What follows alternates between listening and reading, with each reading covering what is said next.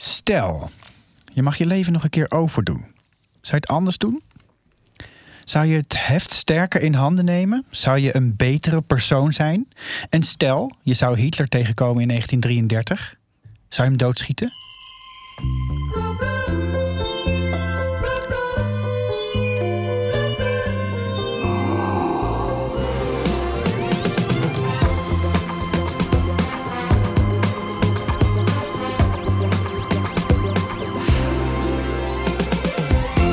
Dat zijn de vragen des levens in het BBC-drama Life After Life.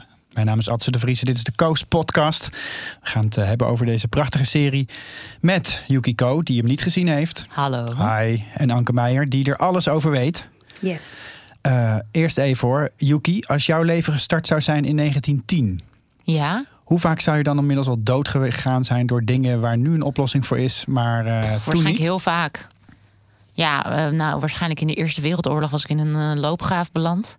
Je bent een meisje. Ja, maar wel heel stoer. Ik zou gewoon ah, okay. op hebben gegeven. Nou, dan uh, Tweede Wereldoorlog. Misschien was ik nog alles kwijtgeraakt bij de beurskracht in 1929. Ja, ik zit best goed in mijn historische feiten. Jij kent je geschiedenis. Ja. ja, en jij, Anker?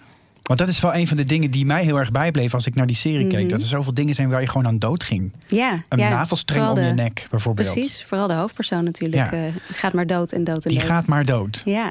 Wat is het idee? Uh, nou ja, het, is, het is naar een boek van uh, Kate Atkinson. Uh, best bekende schrijver. Het is ook een van mijn favoriete boeken. Ehm, en daarin gaat de hoofdpersoon dus iedere keer dood en begint weer opnieuw. En dat begint al met haar geboorte in 1910. Dan heeft ze inderdaad een navelstreng om de nek. En de arts is te laat omdat er een sneeuwstorm is. Uh, dus nou ja, is het al klaar, zeg maar. Ja, je kijkt echt heel... Nee, ik, zit meer, ik, ik probeer het gewoon te begrijpen. Ze gaat steeds dood en begint ze dan weer opnieuw met haar geboorte? Ja, en dan ja. kom je iedere keer... Die geboorte wordt iedere keer weer uh, opnieuw gedaan eigenlijk. En dan bij de tweede keer is de arts er wel. Want die dacht van nou, ik, ik kom wat eerder, want er is een sneeuwstorm. Uh, misschien ben ik nodig en dan gaat het wel goed. Uh, en dan gaat ze de eerste keer geloof ik dood omdat ze uit het raam valt. Of... Nou, ze gaat in elk geval op allerlei mogelijke manieren Ja. dood. En dat is natuurlijk op zich een bekend gegeven in de film. Mhm. Ja, we hebben het hier natuurlijk over Russian Doll gehad. We hebben het over Russian Doll gehad. We hebben het over Palm Springs gehad, die uh, film op uh, Prime.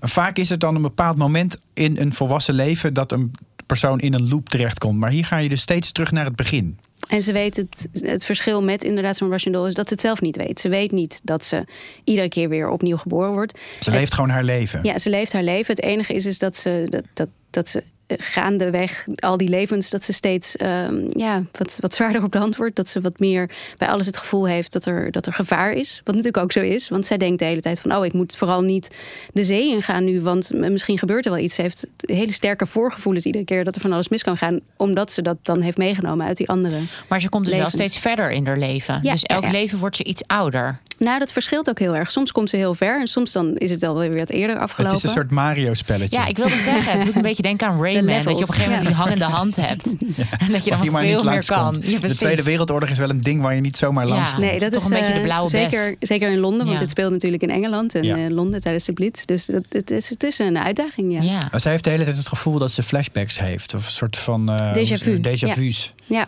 ja dat, uh, dat heeft ze natuurlijk ook, uh, weten wij. Uh, het Dat weten wij is, alleen maar, ja, inderdaad. Het, wat ik er heel leuk aan vind, is dat ze naar een psychiater gaat.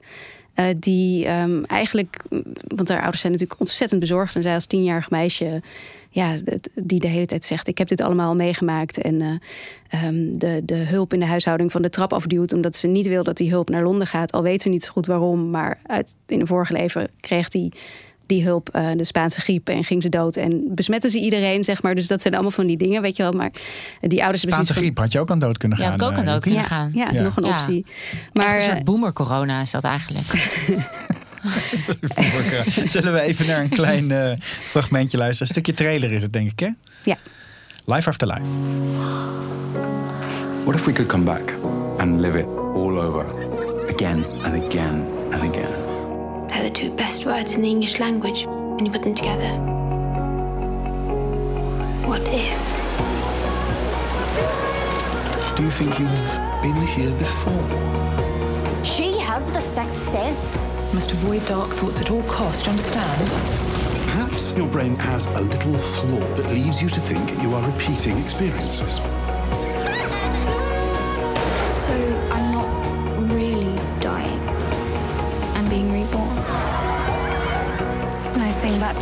Isn't it? The more it moves forward, the better this silly old world gets. What's the plan for the next life?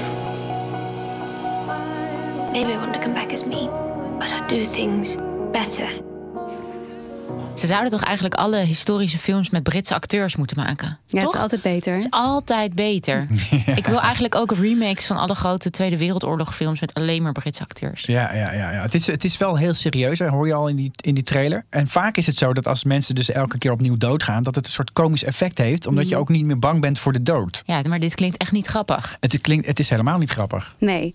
nee, omdat zij ook natuurlijk niet weet dat ze doodgaat en dat het wel weer goed komt of zo. Op een gegeven moment tegen het einde heeft ze wel een beetje het gevoel, merk je wel een beetje aan haar dat ze, dat ze ehm, er in ieder geval niet meer zo bang voor is. Eh, maar dat, dat duurt wel een hele tijd. En Maar eh, misschien ben ik een beetje een horror, maar eh, maakt het nog uit waarom ze elke keer doodgaat? Als in is het en, en wel weer terugkomt? Speelt dat nog een rol in de serie? Of moet je, Je gewoon bedoelt wie dat accepteren? doet of eh, hoe dat zo gekomen Nou, is. dat ze elke keer weer, weer gaat leven. Ik bedoel, als ik nu dood zou gaan, zou ik denk ik niet meteen weer worden geboren uit dezelfde moeder. Nee. Nou ja, je weet ook niet waarom dat eh, gebeurt. Het is een, gewoon een gegeven dat Ja. het gebeurt. Gewoon dat accepteren, wordt ook niet achteroverleunen eh, ja. en kijken. Want dat is dus die psychiater, die hoorde je ook in de, in de trailer. Die zegt ook in plaats van dat hij zegt van nee, eh, Je bent gek. ja, dit is niet goed en je moet dit niet meer doen. Gaat hij daar een beetje mee en zegt hij: wie weet is het waar? Wie weet word je wel iedere keer opnieuw geboren? Wie weet ben je hier al vaker geweest? Het zou zomaar kunnen. Er zijn verschillende filosofieën eh, waarin dat eh, wel wordt gedacht, inderdaad. En dat, dat geeft haar volgens mij ook wel best wel, of tenminste dat zie je, dan geeft haar wel wat rust. En, en meer, steeds meer een gevoel van ik leef gewoon het leven wat ik leef. Eh, de zus zegt op een gegeven moment ook zoiets van ja, het, is gewoon maar doen en wachten wat er komen gaat of zo. Klinkt wel mooi. Het is, klinkt, het, nu is er toch ook heel veel aandacht voor eh, het trauma's die in je leven, of die van je, van je voorouders die in je lijf zijn opgeslagen en waar je Ja. op kan reageren. Appelleert het daar ook een beetje aan? Aan een soort van gevoel van eh, er is meer en, en we mogen wat meer aandacht hebben voor de signalen die ons lichaam ons geeft? Ja, ik denk wel dat het heel erg op die intuïtie eh, ligt. Heel erg van als je. Dat, ze heeft niet voor niks een voorgevoel dat ze iets wel of niet moet doen. Dus dat. Ja, Ja, het gaat ook heel erg over in hoeverre kun je het lot in handen nemen, het heft in handen nemen. Eh, misschien op basis van een intuïtief gevoel. Want ja, nogmaals, het gaat dus niet om een herinnering. Het is niet dat ze weet van als ik eh, nu de zee in ga, dan. ehm Nou ja, of het misschien af. is het een lichamelijke herinnering, maar het is in ieder geval geen soort- mentale Het is een soort, soort, soort gevoel. En dat stelt je eigenlijk voor de vraag van... in hoeverre heb je eigenlijk de sturing over je lichaam? Want, of over je leven? Omdat heel veel dingen in haar leven overkomen haar. En dat, dat is wat dat betreft ook iets... wat heel erg bij de tijd hoort waar het in speelt. ja het, is, het, zijn redelijk gevaarlijke tijden. Wat je net al zei, er zijn heel veel manieren waarop het mis kan gaan. Maar het is zeker ook zo'n oorlog natuurlijk. Ehm, ze gaat ook in één leven gaat ze naar Duitsland van tevoren. Eh, in een tweede leven blijft ze in Duitsland. In een ander leven is ze juist in Londen tijdens de Blitz. Het, het is, ja, en het loopt allemaal natuurlijk verkeerd af. Ehm, het, het is wel een. Ik, ik vond het wel een, een beetje. Ik kreeg er een beetje het gevoel van dat het eigenlijk ook weer niet zoveel uitmaakt wat je kiest. Omdat het altijd mis kan gaan of zo. Maar ook goed. Nou ja, het gaat kijken. Uiteindelijk gaat het met ons allemaal mis natuurlijk. Uiteindelijk maar wat, wel. Ik, wat, mij, wat mij heel erg opviel is dat... ehm, kijk, de, de rol van de vrouw in die tijd is natuurlijk heel anders dan die van nu. Ehm, Ja. eh, zeker aan het begin mogen vrouwen gewoon helemaal niks. Zij heeft bijvoorbeeld ook een oudere broer. En die, eh, die, die vindt gewoon dat zij eh, thuis moet blijven en geen ambities moet najagen. is ook echt dat een laat hele ze zich, een hele jongen. vervelende man. Ja. En in eerste instantie laat zich dat ook vertellen. Ze laat zich een beetje onder de duim houden. En in een soort tweede of derde leven doet ze dat niet meer. Neemt ze gewoon. ehm, ik vond het eigenlijk het meest specifieke voorbeeld hiervan. Vond ik, ja, kunnen we dat. Wat kun je zeggen en wat kun je niet zeggen? Er is een moment dat zij eh, eh, door een Amerikaanse jongen eh, gezoend wordt in de tuin. En dat laat ze gebeuren. En eh, die jongen voelt zich vervolgens uitgenodigd om verder te gaan. En dat, dat verder gaan wordt haar eigenlijk noodlottig in dat leven. De tweede keer dat haar dat weer overkomt, geeft ze hem een klap op de bek. Is die gast weg. En dat is een cruciaal moment in haar leven, zie je gebeuren. En zo zijn er ontzettend veel mensen, momenten waarin zij als vrouw een stoerdere keuze maakt, het heft in handen neemt op een manier waarop dat eigenlijk ongewoon was in die tijd. Op ze dus eigenlijk een stap, een stap naar voren zet eh, ten opzichte van wat gewoon was in de maatschappij. En dat wordt elke keer beloond in die serie. Ja, ja ze gaat ook steeds meer haar tante volgen. Die, ehm, vrij, vrijgezel is nog steeds, wat al heel bijzonder was. Vrijgevochten. Vrijgevochten vooral. Uh, verdient haar eigen geld, rijdt haar eigen auto. Allemaal heel bijzonder in die tijd. Dus ze volgt veel meer die tante in plaats van haar moeder... die een wat meer traditioneel leven inderdaad leidt. En dat wordt met iedere met ieder leven ja, heeft ze daar ook meer de kracht voor en, uh, en het zelfvertrouwen eigenlijk. Klinkt echt prachtig. En het is ook heel mooi. Um, dat je daarna zelf een soort van uh, misschien wel wat meer empowered bent om uh, eigenaarschap te claimen over je leven. Ja, ja. En, het, en het, is, het is heel mooi en meeslepend gemaakt. Je denkt bij al die, zeker als ze nog een kind is, natuurlijk doodgaan is niet echt heel leuk. Maar het is, het is uh, heel smaakvol gefilmd. Je ziet het eigenlijk niet. Het gebeurt vaak ook een beetje. Er is wel een mooie vorm voor gekozen om dat ja. sterven visueel weer te geven. Ja, ja, En, en gelukkig weet je ook dat het iedere keer goed komt. Dus dat ze weer terugkomt. Dat scheelt ook wel heel veel. Er is geen enkele dood waar je om moet lachen. Nee, het is niet. Het is zeker nou, eentje, niet komisch. Eentje, eentje moest ik om lachen. Hey, maar uh, tot slot, uh, Adse, zou jij Hitler hebben doodgeschoten als je in 1939 uh, met hem in de kroeg Nee, zeker niet. Nee? Nee, ik ben, ik ben daar veel te laf voor. Maar inderdaad, op het moment dat je kennis hebt uit een ander leven waarin je het niet gedaan had, dan zou het misschien zomaar anders kunnen zijn. Ja, en wat deze serie dan wel weer zegt, zonder het echt te spoilen, is dat het ook weer niet zo makkelijk is. Eigenlijk. Nee. Zou jij het gedaan hebben? Met de kennis van nu wel. Met, met, zonder voorkennis zou ik niet zomaar een random man met een raar snorretje hebben doodgeschoten. En zou je met de kennis van nu jezelf opofferen? Want dat is dan wat dan natuurlijk gebeurt. Ik zat daar net over na te denken tijdens jouw intro. Ik denk het wel. Want je weet toch niet of je het zelf redt. Maar zou je het ook, dat vragen ze in de serie, zou je het ook kunnen als het een baby is? Als baby Hitler? Hitler. Als, baby Hitler. Beatler. Oeh. Um, goeie, nee, dat, oeh, dat vind ik lastig. Mooie vraag.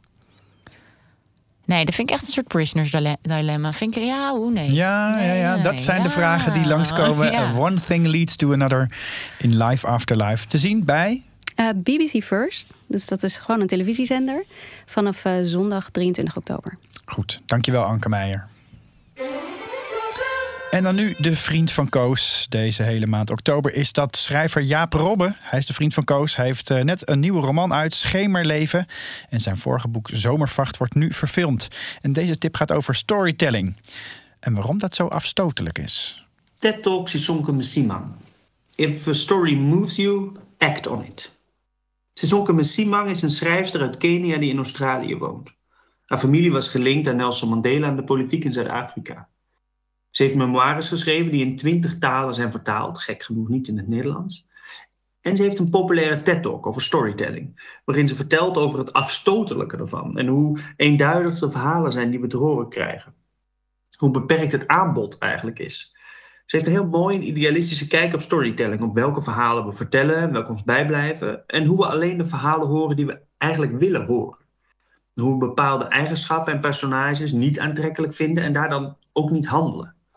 En zij zegt, na het luisteren van een verhaal moet je wel handelen. Dat, dat doet bijna niemand. Denk bijvoorbeeld aan de oorlog in Oekraïne. We liken en delen allerlei berichten waarin die oorlog wordt afgekeurd. Maar dat helpt natuurlijk niks. Zelf ben ik altijd al wel aangetrokken tot donkerdere verhalen en donkere personages. Ik zoek niet naar feel good. Maar door deze TED-talk ben ik me nog bewuster van de verhalen die we te horen krijgen. Ja, Robbe hoorde je over de TED-talk van Sisonke Msimang. En dan het belangrijkste stukje van deze uitzending. Jouw tip. Stukje. Ja, mijn tip.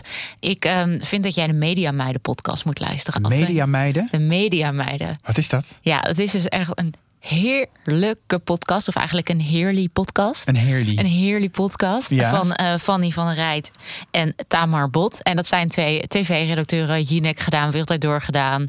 Humberto, van alles. En die uh, hebben een podcast waar ze eigenlijk praten over de mediawereld. Maar het is, ik denk dat jij het juice. ook. Ja, nou, juice. Maar ze nemen ook wel de hele mediawereld een beetje op de hak. En ze. Um, wij hebben natuurlijk ook wel eens hè, dat we samen in een redactievergadering zitten en dat we zeggen: wat is nou de insteek of wat is het haakje? En ja. uh, zij spelen daar op een hele leuke manier mee, laten ook zien hoe medialogica een beetje werkt. Bijvoorbeeld dat ze ooit een item hebben geprobeerd te maken over de terugkeer van de bever. De bever is terug. Het Ja. grootste knaagdier. Dat ze toen allemaal boswachters hadden uitgenodigd die dat aan tafel bij de Wereldtijd door moesten vertellen. Of bij M was het volgens mij. En dat die boswachters ook aan tafel zeiden: ja, we, ja het is eigenlijk niet, zo. Eigenlijk is het niet zo. Nee. En dat maar laat het gewoon ja, slecht geprept. En het laat gewoon mooi die achterkant, ja, ook wel voor onze sector zien. En ze hebben mijn favoriete rubriek, de chips van de week, waarin ze elke week een chipsmaak uh, Kijk, bespreken. Dat is, vind ik een overtuigend En argument. alleen daarom vind ik al dat je moet luisteren. Heel goed, de tips van Yuki. En die van Jaap, die luister je, lees je terug in de VPRO Koos app. En daar vind je natuurlijk nog veel meer leuke tips. Download de VPRO Koos app gratis in de App Store. Of betaal gewoon, doe niet keer, 99 cent per maand voor leuke extra's. Volgende week zijn we er weer met de Koos podcast.